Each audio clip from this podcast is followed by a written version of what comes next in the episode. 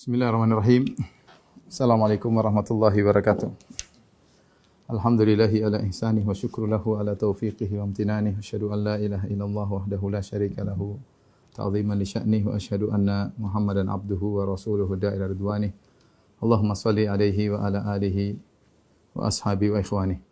Para ikhwan dan akhwat, para jamaah Masjid Tarbiyah yang dirahmati oleh Allah Subhanahu wa taala. Eh, kita melanjutkan bahasan kita tentang sirah nabawiyah.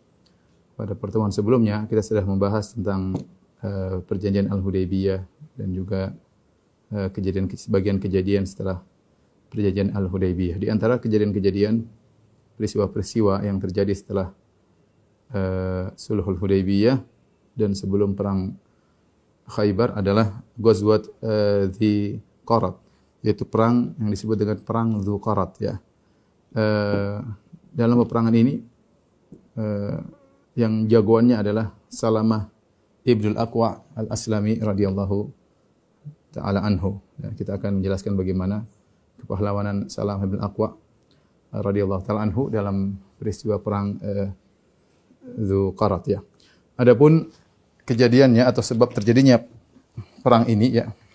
Ketika Nabi sallallahu alaihi pulang dari perjanjian Hudaybiyah di antaranya Nabi sallallahu alaihi uh, mengirim ada onta-onta uh, Nabi Shallallahu Alaihi Wasallam, yaitu sekitar 20 ekor onta di suatu tempat namanya Ghabah, Al-Ghabah ya.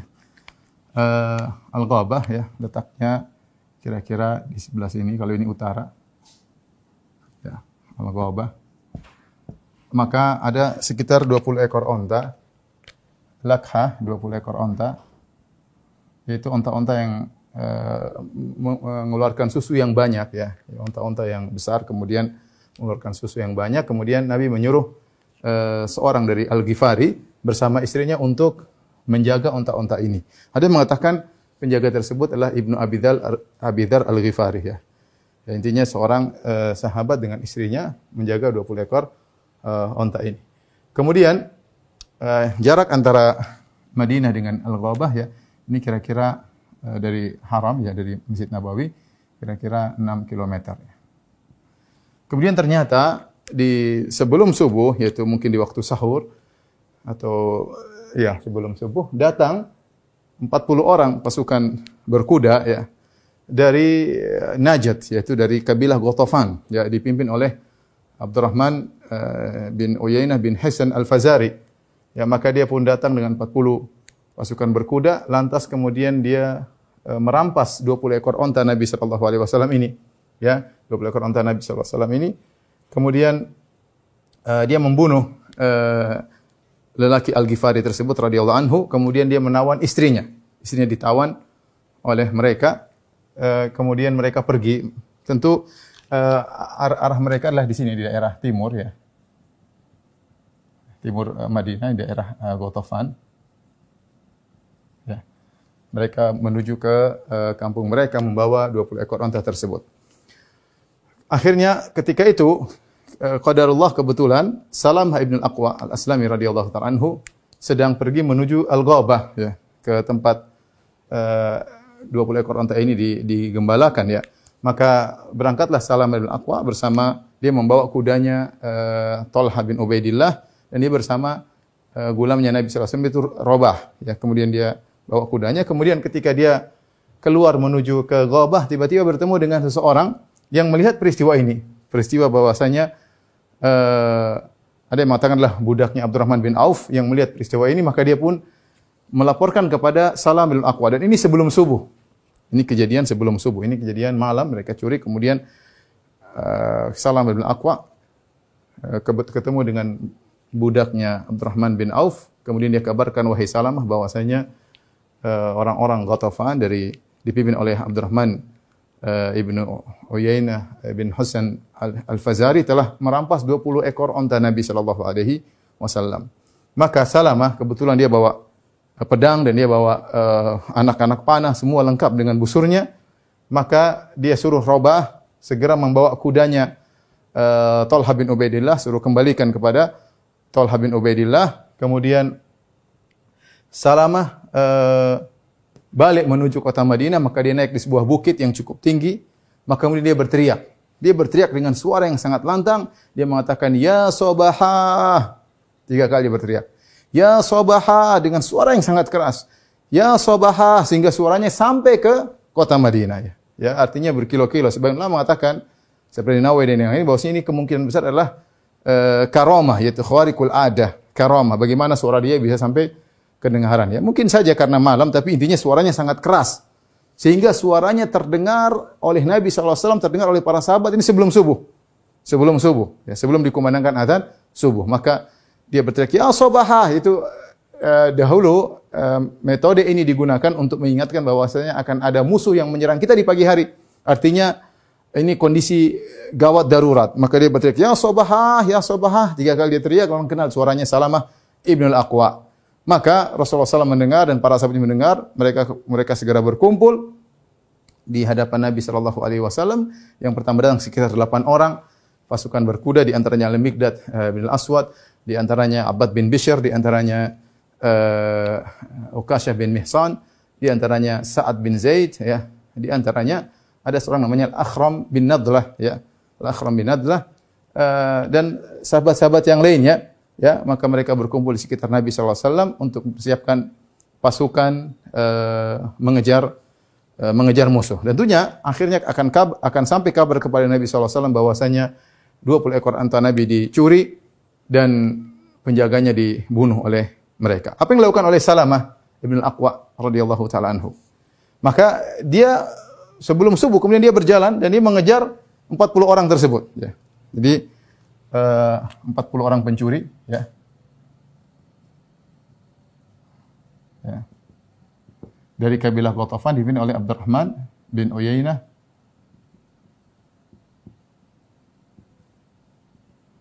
bin Hasan Al-Fazari. Ya, 40 orang pencuri berpasukan berkuda ya.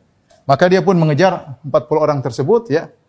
Uh, yang mereka berjalan menuju ke arah ke arah uh, timur maka Salamah mengejar mereka dan uh, Salamah larinya sangat kuat. Kalau lomba lari dia, dia menang.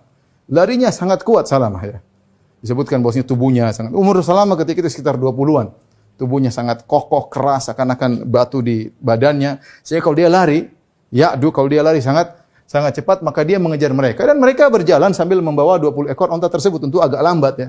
Untuk agak lambat membawa 20 ekor onta, tersebut ya sambil sam, sam, sambil uh, menawan uh, membawa tawanan itu istri dari istri dari Rajul Al-Ghifari tersebut ya yang suaminya dibunuh. Maka Salamah mengejar mereka. Mulailah Salamah mengejar mereka, kemudian Salamah memanahi mereka, memanahi mereka. Kemudian Salamah berteriak, "Khudha ana binul aqwa al-yauma yaumu rudda." Dia mengatakan, "Ambil tu panah ya. Ambil tu anak panah ya.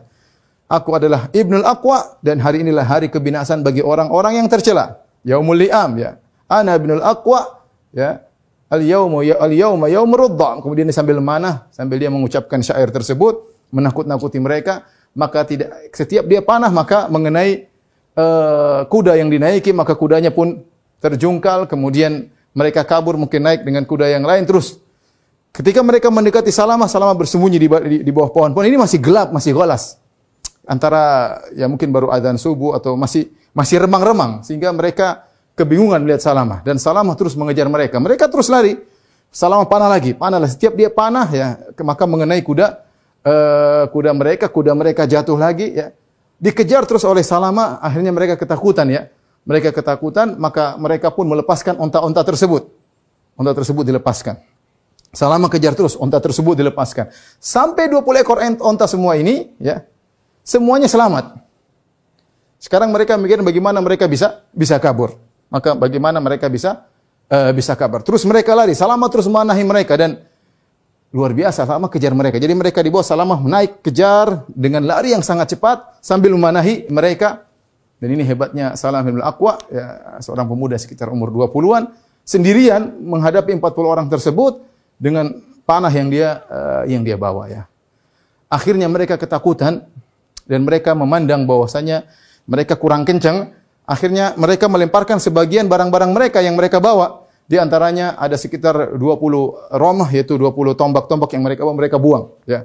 Kemudian mereka ada mereka bawa burdah itu pakaian-pakaian indah mereka buang juga. Mereka buang uh, khawatir memperlambat lari laju kuda mereka. Maka Salamah ketika melihat mereka buang, Salamah kasih tanda ya. Buang-buang barang-barang, Salamah kasih tanda. Salamah aku kasih tanda. Maksudnya ini milik saya ya. Ini milik saya nanti karena dia akan meninggalkan barang tersebut. Mereka buang uh, burdah, buang kain-kain yang indah, Salamah kasih tanda ini milik saya. Karena Rasulullah SAW akan datang dan itu adalah barang-barang milik Salamah ya. Maka Salamah mengejar mereka Sampailah mereka kemudian suatu tempat karena mereka menuju ke Gatafan, mereka suatu tempat yang agak uh, sempit, mereka duduk di situ, mereka menyangka mereka sudah selamat, tahu-tahu Salamah naik ke atas gunung kemudian melempari mereka dengan batu, melempari mereka dengan uh, dengan batu ya. Ketika mereka sedang duduk di situ, datanglah uh, salah seorang dari mereka dari arah Gatafan namanya Uyainah bin Badr yang mengatakan ada apa gerangan dengan kalian? Kata mereka ada satu orang ini tidak meninggalkan kita ya. Terus bikin masalah dengan kita, tidak kita tidak bisa tenang. Akhirnya dia bilang, "Sudah, kalian kejar orang itu, satu orang, kalian berangkat menuju orang tersebut." Akhirnya selama di atas, selama berteriak, "Ana Ibnul Aqwa" sambil melempari mereka. Aku adalah Salama Ibnul Aqwa, adalah hari ini al-yauma yaumur rudda, harilah hari kebinasaan kalian. Maka empat orang datang menuju Salama. Kemudian mereka menghadang Salama, Salama berkata, "Ta'rifuna nih, kalian tahu siapa saya?" Kata mereka tidak. Ana ibnul Aqwa. Saya adalah Salama ibnul Aqwa. Ya. Saya tidak mengejar seorang dari pun dari kalian kecuali saya akan dapati.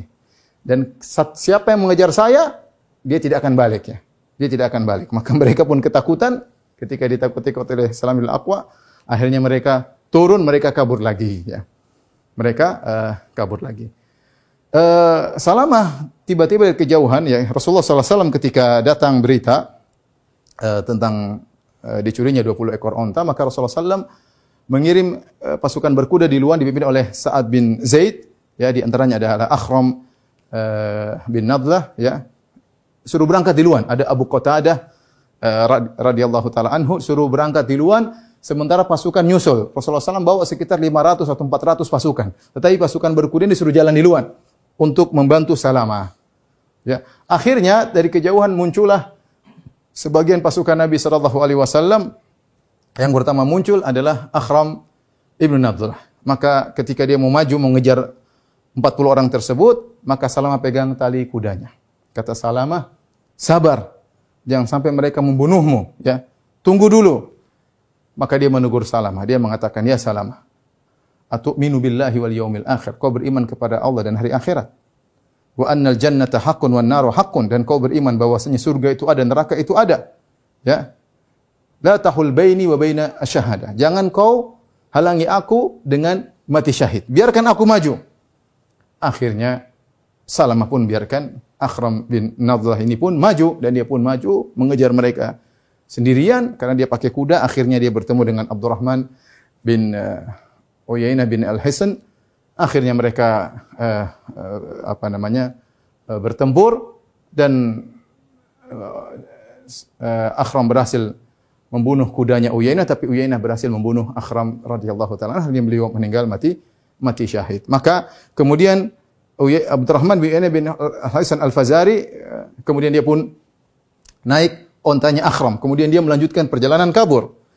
Didengar oleh Abu Qatadah radhiyallahu taala anhu Abu Qatadah pun datang. Abu Qatadah kemudian mengejar mengejar mereka sendirian juga akhirnya dia ketemu dengan Abdurrahman bin Uyainah bin Hasan maka dia pun bertarung akhirnya dia membunuh Abdurrahman bin Uyainah bin Hasan tersebut maka tewaslah lantas Abu Qatadah melepaskan burdahnya kemudian dia tutup uh, mayatnya uh, Abdurrahman bin Uyainah bin Hasan dia tutup kemudian dia mengejar mereka uh, akhirnya Salamah ketika uh, kejadian uh, karena ada ter terhadang terjadi peperangan, yang lain kabur, yang lain kabur, Salamah mengejar sendiri.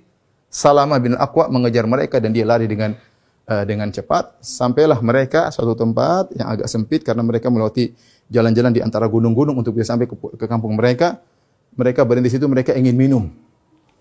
Ketika mereka ingin minum, ya maka Salamah memanahi mereka lagi. Ana ibnul Aqwa, al-yawma yawmur radda. Aku adalah ibnul Aqwa dan dia suaranya keras mereka dengar. Dan suara tersebut membuat mereka gentar. Ya. Hari ini adalah hari kebinasan orang-orang celaka sambil manahin mereka. Akhirnya mereka tidak jadi minum, mereka kabur lagi. Mereka kabur dengan secepatnya.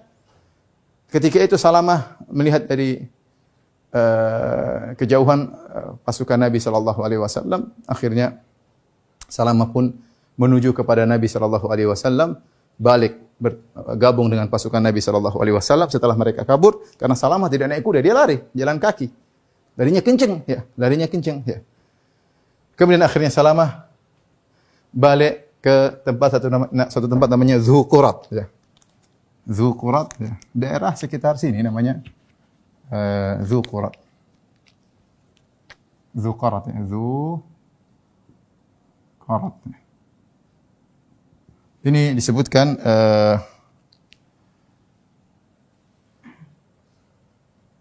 apa namanya? Dari sekitar timur laut kota Madinah dan jaraknya ya, kurang lebih 35 km atau 40 km. Sekitar 35 uh, km. Ketika ini Salamah balik ke Nabi Shallallahu Alaihi Wasallam ternyata sudah terbenam matahari ke Nabi Shallallahu Alaihi Wasallam. Jadi seharian penuh dia mengejar mereka sambil manahin mereka ya, sambil lari dan subhanallah. Dia pun datang Nabi Shallallahu Alaihi Wasallam ketika itu uh, sedang disembelihkan onta, kemudian Nabi Shallallahu Alaihi Wasallam makan dari kabit dari hati onta, ya, kemudian Salamah datang ya menemui Nabi Shallallahu Alaihi Wasallam sambil terengah-engah dia berkata ya Rasulullah, Rasulullah bawa 500 pasukan. Kata Rasulullah kirim 100 orang sama saya, saya ingin habisi mereka. Masih semangat Salamah. Ya Rasulullah, mana 100 orang kirim sama saya, saya ingin mengejar mengejar mereka. Kata Rasulullah SAW sambil tertawa ya, dan nampak apa namanya putih giginya Nabi SAW. Rasulullah SAW lihat bagaimana semangatnya Salamah 20 tahunan ya. Bagaimana seharian penuh dia berperang melawan mereka ya. Dan semua onta-onta bisa dia selamatkan. Bahkan di antara orang tersebut ada yang uh, meninggal ya dan yang lainnya ya. Maka Rasulullah berkata, akunta fa'ilan dalik wa salam kau ingin betul-betul ingin memerangi mereka? Kata Salamah iya ya Rasulullah kirim 100 orang bersama saya. Saya ingin menyerang mereka. Kata Rasulullah SAW ya Salamah wahai Salamah malaktah fa asjih sudahlah kau uh, sudah menang ya dan sudahlah maafkanlah mereka. Maafkanlah mereka. Artinya Rasulullah SAW mengatakan sudah sudah selesai ya. Innahum yukrauna fi ardi al-Ghatafan. Mereka sudah sampai di kampung mereka dan mereka sekarang Isya mereka sudah makan malam di sana. Sedang dijamu oleh uh, keluarga mereka di Ghatafan ya. Sehingga Nabi SAW mengatakan ya sudahlah. Artinya sudah onta-onta sudah pulang. Memang benar ada yang meninggal di antara kita yaitu Gifari, ada juga Akhram bin Nadlah tapi mereka banyak yang lebih meninggal ya, sekitar lima orang atau lebih daripada itu. Ya sudah kata Nabi SAW sudah cukup ya. Sudah cukup. Yaitu Rasulullah SAW lihat bagaimana akhlak Nabi SAW sudah cukup. Mereka sudah kita kalahkan, mereka sudah kabur, ya sudah cukup ya. Kemudian eh, datanglah, ya, bagaimana dengan wanita yang ditawan tersebut, ya istrinya dari lelaki Al Ghifari tersebut.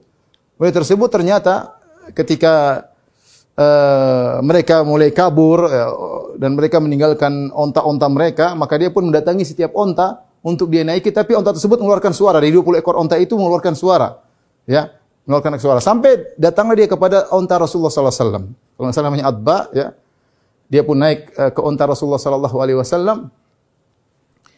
Kemudian ternyata ontanya Rasulullah SAW tidak mengeluarkan suara. Maka dia pun segera naik onta tersebut menuju kepada Rasulullah sallallahu alaihi wasallam melarikan diri dan dia bernadar kalau Allah menyelamatkan aku ya dengan onta ini aku bernadar akan menyembelih onta ini. Ya. Jadi dia bernadar wanita ini. Kalau ya aku selamat, Allah selamatkan aku dari mereka dengan naik onta ini, aku akan menyembelih onta ini. Ketika dia sampai kepada Nabi Shallallahu Alaihi Wasallam, ya, dia berkata, ya Rasulullah, aku selamat dengan onta ini, dan aku bernazar, aku akan menyembelih onta ini. Rasulullah SAW, ya, kata Rasulullah SAW, bi sama jazaitiha, ya. Seburuk-buruk balas budi yang kau berikan kepada onta ini, onta ini sudah menyelamatkan kamu, kamu kok mau nyembelih dia? Ya. Maka Rasulullah SAW mengatakan, La nadhara fi ma'asiyatillah. Tidak ada nazar ditunaikan dalam rangka bermaksiat kepada Allah. Wala fi ma la yamliku Adam. Dan tidak boleh bernazar pada barang yang bukan miliknya. Ini kan ontaku, bukan ontamu. Gimana aku menyembelih? Rasulullah SAW bilang, aneh kamu. Kamu ini diselamatkan sama onta, harusnya bersyukur sama onta ini, bukan malah disembelih. Lagi pula ini onta milikku, bukan bikin bukan milik milik kamu ya. Uh, para sahabat ketika apa namanya uh, ketika mengejar uh, apa namanya pasukan dari Abdurrahman uh, kabilah Ghatafan mereka mendapati ada saya disampaikan ketika Abu Qatadah membunuh Abdurrahman bin Uyainah bin Hasan, Abu Qatadah taruh burdahnya, bajunya, di, kainnya di atas mayatnya sehingga orang menyangka Abu Qatadah telah meninggal. Kata mereka, Abu Qatadah meninggal. Kata Rasulullah, tidak. Itu qatilu Abi Qatadah. Itu yang dibunuh oleh Abu Qatadah. Ternyata benar. Abu Qatadah kasih tanda, ini saya bunuh. Dan kita dalam dalam pertempuran jihad, barang siapa yang membunuh seseorang, maka salapnya itu seluruh barang-barang yang dimiliki orang tersebut milik dia. Ya, milik dia. Jadi kalau misalnya si A membunuh si B, B ini orang kafir, maka semua yang dia miliki, pedangnya, baju perangnya, mungkin ada emasnya, pokoknya yang ada di badan dia semua milik uh, yang membunuhnya, semua milik yang disebut dengan salab. Setelah itu Rasulullah SAW memuliakan Salamah ibn al-Aqwa. Maka Rasulullah SAW dari Zukarat pulang ke kota Madinah, ya. Kemudian Rasulullah SAW mengatakan, khairu fursanina Abu Qatadah. Sebaik-baik pasukan berkuda kita adalah Abu Qatadah. Ini yang berhasil membunuh Abdurrahman bin Uyainah bin Hasan Al-Fazari. Kemudian Wa khairu rajalatina Salamah bin Al-Aqwa dan pasukan pejalan kaki yang terbaik adalah Salamah. Gimana semua hari dia yang jagoannya. Dari sebelum subuh dia mengejar mereka sampai maghrib, ya. Kejar terus akhirnya dia balik ya. Salamah bin Al-Aqwa. Kemudian Nabi SAW memberikan dia dua saham bagian daripada uh, apa namanya? Uh, harta yang ditinggalkan yaitu uh, uh, kepada Salamah bin Al-Aqwa. Setelah itu Rasulullah SAW pulang balik dengan pasukannya menuju ke kota Madinah, ya. Maka Salamah disuruh oleh Nabi wasallam naik di atas onta bersama Nabi wasallam kemudian berjalan. Subhanallah, betapa indahnya perjalanan tersebut. Salamah dibonceng oleh Nabi wasallam perjalanan sekitar 35 kilo dari kota Madinah, maka dia di belakang Nabi wasallam, ya. Maka bagaimana dia sangat dekat, bagaimana mungkin dia memegang Nabi, dadanya dekat dengan dada Nabi sallallahu alaihi wasallam, bagaimana nafas-nafas Nabi sallallahu alaihi wasallam sampai kepadanya, keberkahan Nabi SAW sampai kepadanya, perjalanan cukup lama dan ini pemuliaan terhadap Salam ibn al-Aqwa radhiyallahu taala anhu. Inilah kisah perang uh, Ghazwah di Qarat disebut Ghazwah karena Nabi SAW ikut serta uh, dalam perangan tersebut. Kalau Nabi tidak ikut serta namanya Sariyah. Ini sudah pernah kita bahas ya.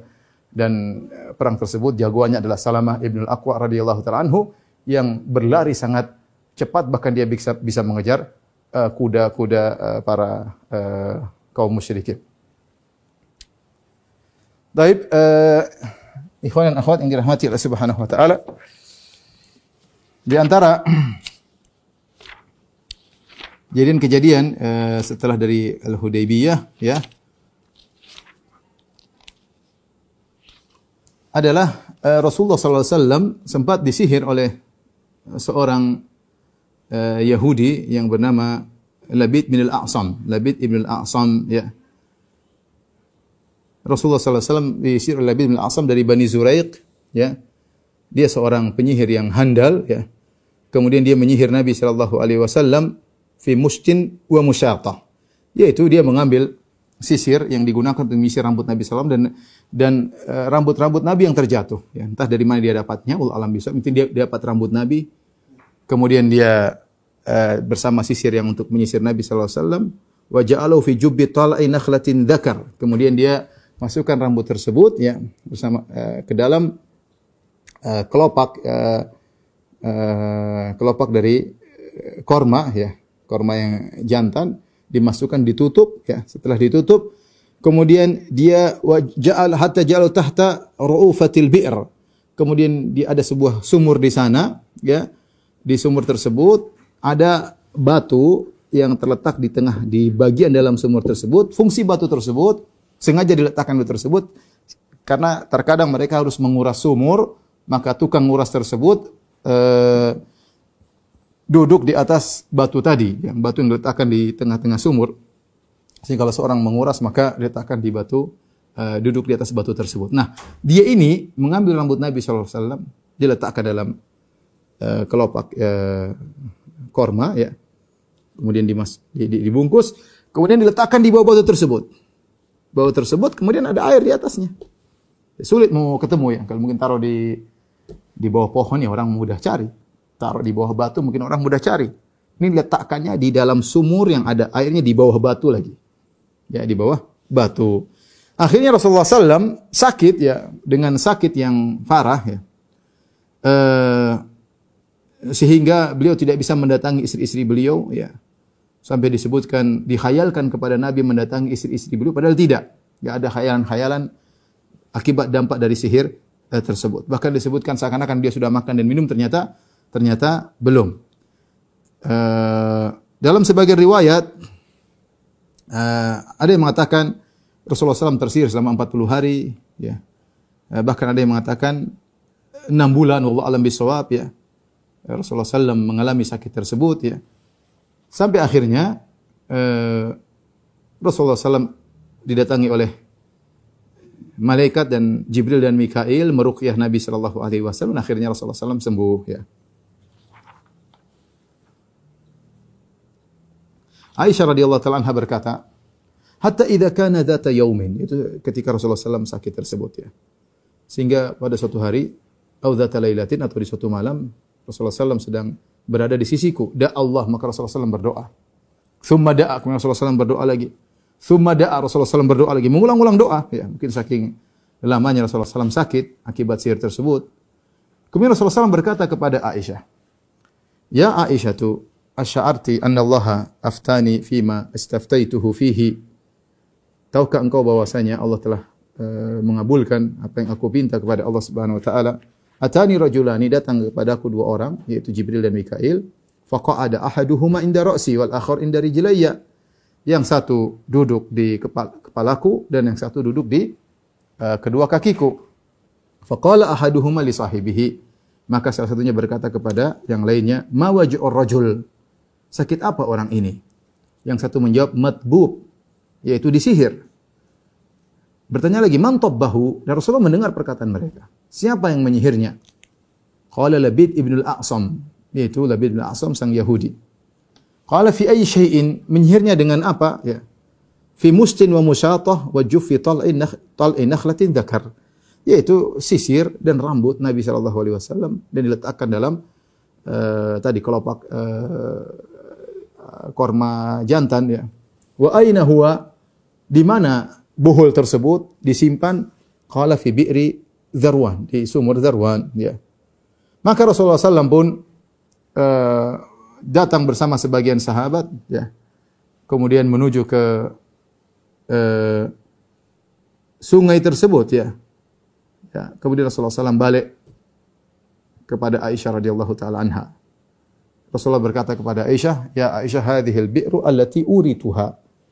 Wahai Aisyah, itulah sumur yang aku diperlihatkan oleh uh, oleh Allah Subhanahu wa taala. Ka'anna ma'aha nuqa'ah nuqa'atul hinna. Dan airnya kemerah-merah seakan-akan dikasih hinna ya. Dikasih hinna ya. Aisyah radhiyallahu taala anha berkata afala istakhrajtahu? Ya Rasulullah tidak tidakkah kau keluarkan buhul tersebut dari bawah batunya kata Nabi wasallam qad afani Allah fakaritu an uthira 'ala nasi fihi syarran Allah sudah menyembuhkan aku aku tidak perlu lagi mengeluarkan uh, buhul tersebut jadi Rasulullah tidak ambil buhul tersebut. Kemudian Rasulullah SAW menyuruh para sahabat untuk menutup sumur tadi. Ya, karena sumur tadi sudah rusak, airnya pun kemerah-merahan. Maka disuruh uh, tutup sumur tersebut. Dalam sebagian, sebagian riwayat, riwayatnya dipersihkan oleh para ulama, uh, dengan gara-gara Nabi SAW di sini ini, maka turunlah dua surat Al-Mu'awwidhatan, yaitu surat Al-Falaq dan surat An-Nas. Ya.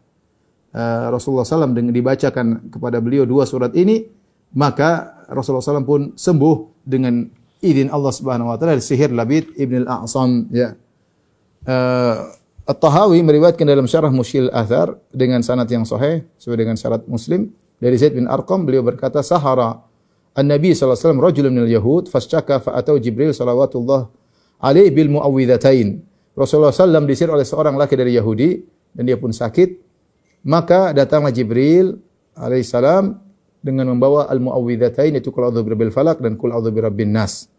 Dalam hadis yang lain dari Uqbah bin Amir radhiyallahu anhu Rasulullah SAW berkata, "Unzilat alayya suratan." Diturunkan kepadaku dua surat. Fata'awwadhu bihinna. Maka hendaknya kalian berlindung kepada Allah dengan dua surat ini. Fa innahu lam yuta'awwadh bimithlihinna. Maka tidak ada surat yang ampuh seperti dua surat ini, yakni al-muawwidzatain. Qul a'udzu birabbil falaq ya dengan qul a'udzu birabbin nas. Jadi Dua surat ini adalah dua termasuk dua surat yang paling ampuh dalam melawan sihir ya dan dalam melawan uh, syaitan dalam melawan jin di antara dua surat yang paling ampuh dan kita harus yakin akan hal tersebut. Maka seorang berusaha uh, menjaga dirinya dengan baca dua surat ini ya agar terhindar dari sihir. Alhamdulillah kita baca tatkala uh, zikir pagi, kemudian zikir petang. Kita baca juga uh, sebelum tidur, kita baca juga setelah sholat. Ya Alhamdulillah kalau kita sering membacanya, insya Allah akan uh, menjaga kita dari sihir tersebut. Ya, sihir tersebut. Taib. Hadis tentang disirnya Nabi SAW, hadis yang sahih, ya, datang dalam sahihain ya, dalam sahih Muslim, begini dalam sahih Bukhari ya, uh, bahwasanya Rasulullah SAW di uh, disihir ya. Sebagian orang berusaha menolak hadis ini, padahal sahihain, hadisnya sahih. Mereka berdalil kalau Rasulullah SAW disihir. Terus bagaimana dengan wahyu? Wahyu bisa saja uh, tercampur dengan kata-kata yang tidak benar. Dibantah oleh para ulama bahwasanya sihir ini tidak ada kaitan dengan wahyu. Ini semacam sakit. Ya, semacam sakit ya. Oleh karenanya turun surat Muawwidzatain. Surat Qul a'udzu birabbil sehingga menghilangkan sihir tersebut ya. Artinya dalam kondisi di Rasulullah tersihir 40 hari tersebut bukan berarti Rasulullah SAW menyampaikan wahyu kemudian wahyunya tercampur-campur dengan kesalahan Nabi ya tidak. Ini hanya semacam sakit yang Rasulullah SAW dikhayalkan seakan-akan dia sudah mendatangi istrinya, menggauli istrinya ternyata tidak. Atau dikhayalkan seakan-akan dia sudah makan dan minum ternyata ternyata belum. Dan sudah pernah tesir sebelumnya Nabi Musa alaihissalam. Ya, Nabi Musa alaihissalam ketika berduel dengan ratusan ada yang mengatakan eh, banyak sekali tukang sihir Fir'aun, ya, uh, maka eh, yukhayyalu ilaihi min sihrihim annaha tas'a. Fa'aujasa fi nafsihi khifatan Musa. Qulna la takhaf innaka antal a'la. Dalam ayat yang lain waja'u bi sihrin azim. Wastarhabuhum waja'u bi sihrin azim. Kata Allah Subhanahu wa taala, uh, mereka datang mereka mendatangkan sihir yang sangat hebat, membuat orang-orang ketakutan. Sampai sihir para penyihir. Karena mereka rame-rame, ada yang mengatakan ratusan, yang ribuan, Allah alam bisawab. Mereka bekerja sama, jadi bukan cuma satu tukang sihir. Tapi mereka rame-rame bekerja sama untuk melawan Nabi Musa alaihissalam. Sehingga sihir yang mereka buat sangat hebat. Saking hebatnya sampai semua yang hadir tersihir. Di antara yang tersihir adalah Nabi Musa alaihissalam. Nabi Musa alaihissalam tapi tersihir matanya. Kata Allah yukhayyalu ilaihi. Dikhayalkan kepada Musa. Annaha tas'a seakan-akan eh, tali-tali mereka benar-benar menjadi ular. Ya. Fa'aujasa fi nafsi khifatan Musa. Akhirnya Musa takut. Takut karena dia melihat seakan-akan ular tersebut benar-benar ada. Kata Allah, "Qulna la takhaf." Jangan takut. Itu hanya sihir. Ya. Uh, innaka antal a'la, kau akan akan menang. Maksudnya saya ingin menyampaikan bahwasanya sebelum Nabi SAW juga pernah tersihir Nabi Musa alaihissalam. Nabi Musa juga pernah uh, tersihir. Tapi sihir tersebut tidak ada kaitannya. Artinya terpengaruhnya sihir tersebut kepada Nabi Musa atau kepada Nabi Muhammad tidak ada tidak ada kaitannya dengan uh, ismatul wahyi, yaitu tidak tidak ada kaitannya dengan terjaganya wahyu daripada eh, hal-hal uh, yang tidak benar. Ya, ini pembahasan uh, tersendiri ya. Karena orang yang menolak tentang hadis Nabi disihir menyatakan kalau Nabi disihir berarti nanti wahyu kacau dong. Jawabannya tidak ya. Uh, justru kemudian Jibril datang bawa surat kalau hal kalau berbinas akhirnya Nabi SAW uh, eh, disembuhkan. Dan ini uh, sebagai apa namanya hiburan bagi kita ya. Ya benar bahwasanya seorang yang senantiasa menjaga diri dengan baca doa-doa kepada Allah Subhanahu wa taala insyaallah dihindarkan daripada sihir tapi dengan takdir Allah Subhanahu wa taala Allah menjadikan Nabi pernah tersihir ya dan dengan sebab itu turunlah surat Muawwidzatain ya Muawwidzatan yaitu qul a'udzu falaq wa bin nas uh, ini juga sebagai hiburan bagi sebagian orang-orang yang mungkin tersihir. Namanya kalau Allah kasih ujian bisa lewat sihir bisa lewat sakit bisa lewat yang lainnya. Uh, dan itu akan mengurangi uh, dosa-dosanya ya dan mengangkat derajatnya jika dia bersabar menghadapinya. Ya, mungkin kalau antum uh, orang soleh tapi mungkin pernah diuji dengan tersihir, kita katakan bahwasanya Rasulullah SAW juga pernah pernah diuji ya. Ini juga dalil bahwasanya uh, ketika seorang disihir maka dia hendaknya banyak berdoa kepada Allah Subhanahu wa taala. Saya punya kisah saya sering sampaikan, saya punya kawan uh, ada yang hafid Quran, dia hafid Quran, dia juga tahu uh, qiraah, kemudian uh, dia disihir disihir. Dia hafid Quran tapi dia tersihir. Mungkin ada yang hasad atau apa Allah alam bisawab. Dan dia sudah berusaha merukyah dirinya. Eh, tetap saja ada sihir tersebut. Sihir mungkin sangat kuat. Bagaimana sembuhnya? Dan dia sampaikan kepada saya dia mengeluh sakit yang dirasakan ya. uh, dia bersabar. Sembuhnya dia hajian di padang Arafah dia berdoa kepada Allah Subhanahu wa taala. Ya, dia berdoa kepada Allah, tidak merukyah dirinya, berdoa atau Allah sembuhkan. Jadi uh, kalau kita terkena sihir bisa sembuh dengan sebab-sebab di antaranya sebab doa kepada Allah Subhanahu wa taala, di antaranya dengan sebab rukyah. Dengan sebab uh, rukyah ya. Uh, tapi di antaranya doa, maksudnya selain rukyah di antara sebab yang manjur menyembuhkan seorang dari sihir adalah dengan doa. Sebagaimana dalam hadis ini Rasulullah SAW berdoa kepada Allah Subhanahu wa taala sebagaimana perkataan Aisyah, Rasulullah berdoa, berdoa, berdoa akhirnya Allah menyembuhkan Nabi sallallahu alaihi wasallam. Dan Nabi sallallahu alaihi wasallam tidak membunuh Yahudi tersebut ya. Nabi sallallahu alaihi wasallam maafkan ya. Rasulullah SAW tidak ingin terjadi eh, keributan ya dan demikianlah Rasulullah sallallahu alaihi eh, wasallam ya. Ada yang mengatakan Rasulullah mensifati dia seperti orang munafik ya, seperti orang uh, munafik. Tapi intinya Rasulullah SAW tidak membunuhnya, tidak menyuruh sahabat untuk membunuh penyihir uh, tersebut. Di antara peristiwa yang terjadi juga uh, setelah terjadinya perjanjian Hudaybiyah adalah datangnya Qutailah bintu Abdul Uzza. Qutailah bintu Abdul Uzza ini adalah mantan istrinya Abu Bakar As-Siddiq radhiyallahu taala anhu. Uh, Rasulullah uh, Abu Bakar pernah menikah dengan Qutailah dan punya anak ya. Di antaranya adalah Asma bintu Abi Bakar. Di antaranya Asma bintu uh, Abi Bakar. Sallallahu juga kemudian menikah dengan uh, Ummu Ruman yang kemudian punya anak Aisyah dan Abdurrahman. Ya, Abu Bakar punya beberapa istri, ya. Di antaranya istrinya dulu namanya Qutailah, ya. Dan punya anak namanya Asma uh, bintu Abi Bakar. Uh, ketika dalam perjanjian Hudaybiyah, masa gencatan senjata, sebagaimana telah kita sampaikan, pada tahun 6 Hijriah, maka uh, dua belah pihak bisa saling mengunjungi, yaitu penduduk Mekah bisa datang ke Madinah, penduduk Madinah bisa datang ke Mekah. Ini di antara kondisi yang nyaman sehingga mereka berinteraksi. Ya, dan sudah kita sampaikan akhirnya gara-gara perjanjian Hudaybiyah yang cuma berjalan sekitar dua tahun, akhirnya yang masuk Islam sangat banyak, ribuan. Ya mungkin ada sekitar tujuh ribu orang masuk Islam uh, dalam waktu yang singkat tersebut karena kondisi tenang dan orang-orang musyrik bisa berfikir dengan tenang untuk menerima agama Islam. Padahal Rasulullah SAW sudah berdakwah perang Khandaq itu sekitar eh, sekitar tahun 5 Hijriah. Ketika itu pasukan Nabi sekitar 3000, hanya 3000. Padahal Nabi SAW berdakwah sudah 13 tahun di Mekah dan 5 tahun di Madinah. Sekitar 18 tahun cuma sekitar 3000 orang pengikutnya. Bertambahnya sangat lambat. Uh, orang masuk Islam. Ketika terjadi perjanjian Hudaybiyah, Rasulullah SAW kan berangkat dengan para sahabat kira-kira 1500 orang. 1.500 orang berangkat dari kota Madinah menuju Mekah kemudian tertahan di Hudaybiyah. Sehingga sebagaimana pernah, pernah kita sampaikan. Jadi jumlah kaum muslimin tidak banyak. Tapi setelah perjanjian Hudaybiyah dari tahun 6 Hijriah sampai tahun 8 Hijriah ternyata pasukan kaum muslimin kita berangkat ketika mengadakan Fatu Makkah menyerang kota Mekah dari Madinah ke Mekah Rasulullah SAW bawa 10.000 pasukan. 10 pasukan. Jadi sekitar masuk Islam di masa damai tersebut adalah sekitar Eh, tujuh ribu orang. Dan ini uh, para sebagian ulama mengatakan uh, pentingnya kondisi aman dalam berdakwah. Ya, kita berdakwah kapan saja dalam kondisi uh, kondisi tidak aman, dalam stabilitas yang terganggu, dakwah jalan terus. Tetapi kondisi aman itu sangat penting. Ketika kondisi dalam kondisi aman kita bisa berdakwah dengan menyampaikan dalil uh, sebisanya dan orang-orang juga bisa mencerna dengan dengan baik. Berbeda dengan kondisi seakan dalam keadaan tertekan, sulit untuk mengembangkan uh, dakwah ya. Sehingga ketika kondisi nyaman tersebut terjadi kunjung mengunjung interaksi antara musyrikin Mekah dengan kaum muslimin di Madinah sehingga banyak di antara mereka masuk Islam. Suatu hari datanglah Qutailah ini datang kota Madinah. Rindu sama anaknya. Anaknya itu Asma bintu Abi Bakar As-Siddiq radhiyallahu taala anha ya. Uh, dia ingin bertemu dengan Asma. Ya, namanya mereka mungkin ada kabar akhirnya ibunya ini, ibu kandungnya ingin bertemu dengan dia. Tapi Asma radhiyallahu taala anha adalah seorang wanita yang salehah.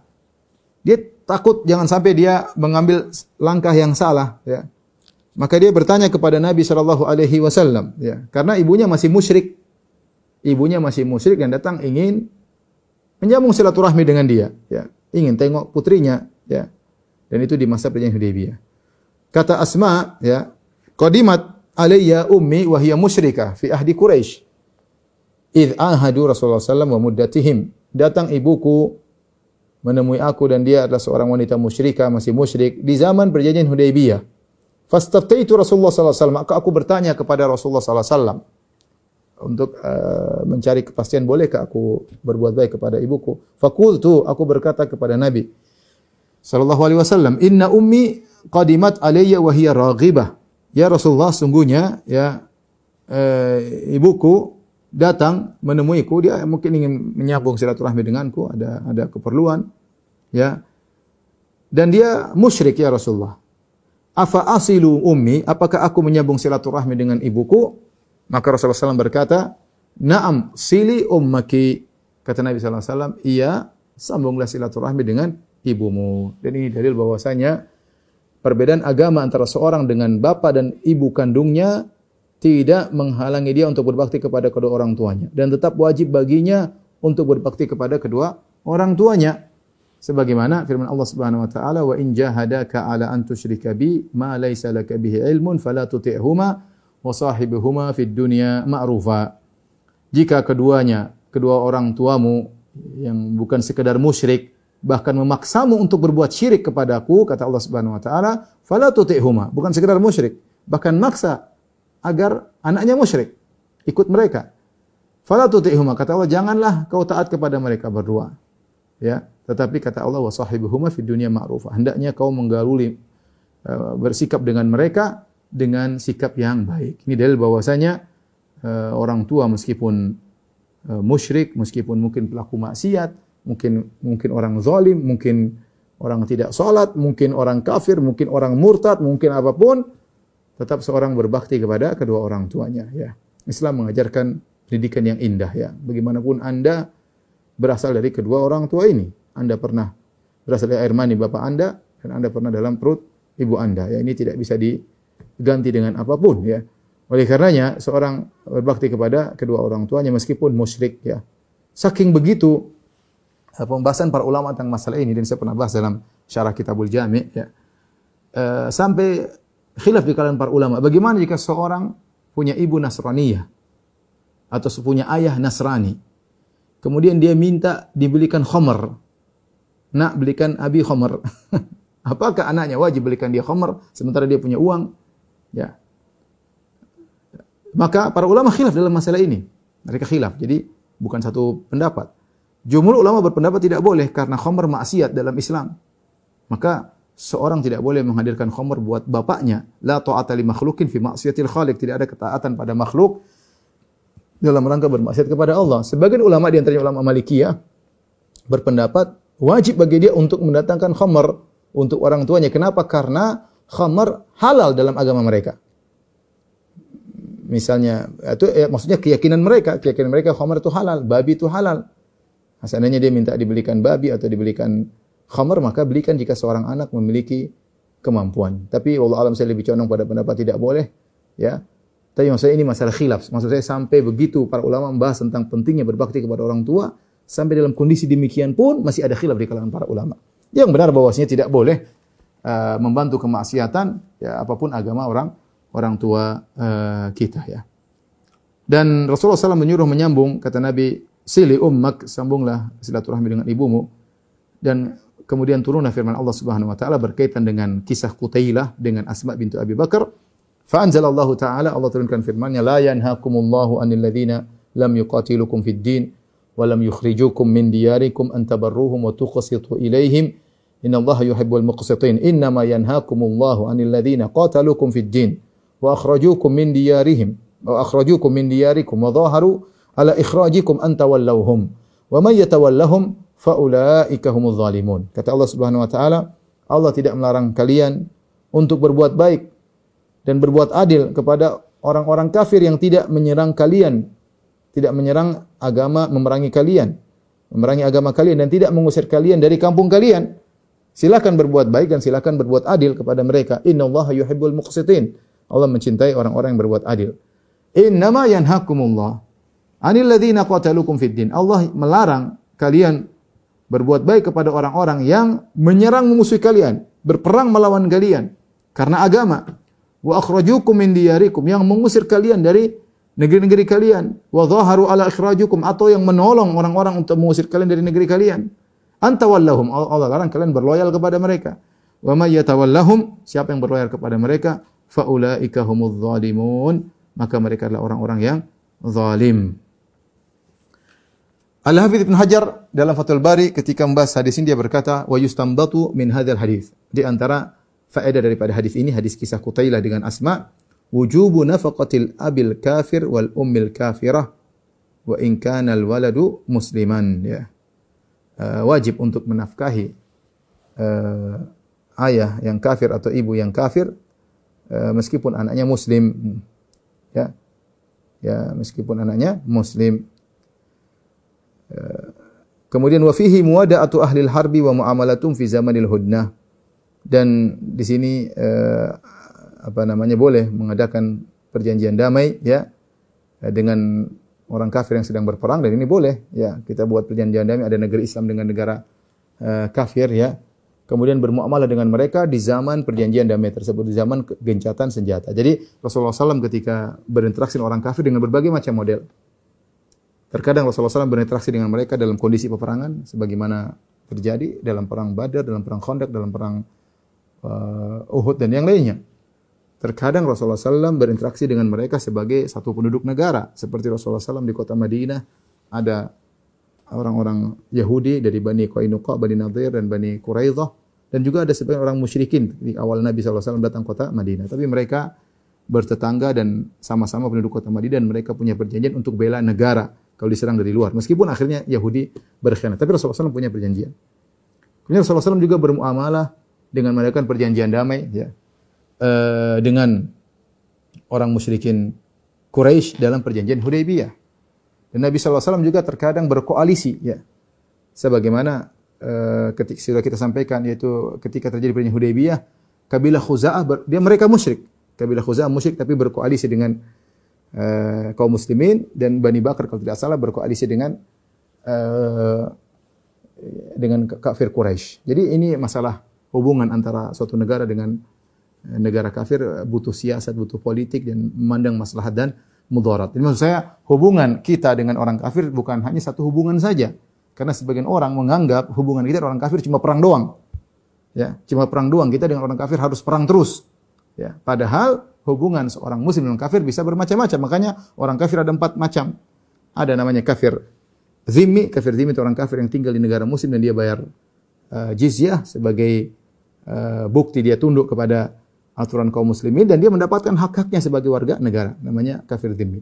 Ada namanya uh, kafir muahad, kafir muahad orang kafir dari negara yang punya perjanjian damai dengan negara muslim ya. Kafir muahad ya. Uh, kemudian namanya kafir musta'man, kafir musta'man yaitu kafir di negara yang sedang berperang dengan kita, tapi dia minta pengamanan. Dan kita harus mengamankan, tidak boleh kita bunuh. Ya, ini semua kafir ini kafir dhimmi, kafir muahad, kafir musta'man tidak boleh dibunuh. Barang siapa membunuh maka dosa besar. Kata Nabi SAW, Man qatala mu'ahadan, man qatala mu'ahadan lam yarah raihatal jannah. Barang siapa membunuh kafir yang punya perjanjian damai, dia tidak akan mencium bau surga. Tidak boleh darah mereka, tidak boleh ditumpahkan. Harta mereka terjaga. Satu model kafir yang kita boleh bunuh dan kita boleh ambil darah, boleh ambil hartanya, yaitu kafir harbi, yaitu kafir yang berperang. Ya. Namanya berperang wajar. Kalau kita bunuh orang, kita sedang berperang, tidak ada yang mencela. Tidak ada yang mencela karena kalau kita tidak bunuh dia yang bunuh kita. Tapi kalau kita bunuh tiga kafir model lainnya dalam kondisi aman kita bunuh, ya. Ada perjanjian damai kita bunuh, ya. Uh, dia minta pengaman kita berkhianat kita bunuh. Tentu ini jadi bahan cercaan bagi kaum muslimin. Ini tidak boleh secara hukum syar'i tidak tidak boleh. Ini saya ingin sampaikan bahwasanya karena ada suara-suara di sana mengatakan hubungan kita dengan orang kafir cuma satu, perang saja. Padahal jawabannya tidak. Rasulullah SAW eh, mengajarkan kepada kita berbagai macam model interaksi kita dengan orang-orang kafir. Allah alam bisawab. Demikian saja apa yang saya sampaikan pada kesempatan kali ini. Kurang lebihnya saya mohon maaf. Wabillahi taufiq wal hidayah. Assalamualaikum warahmatullahi wabarakatuh.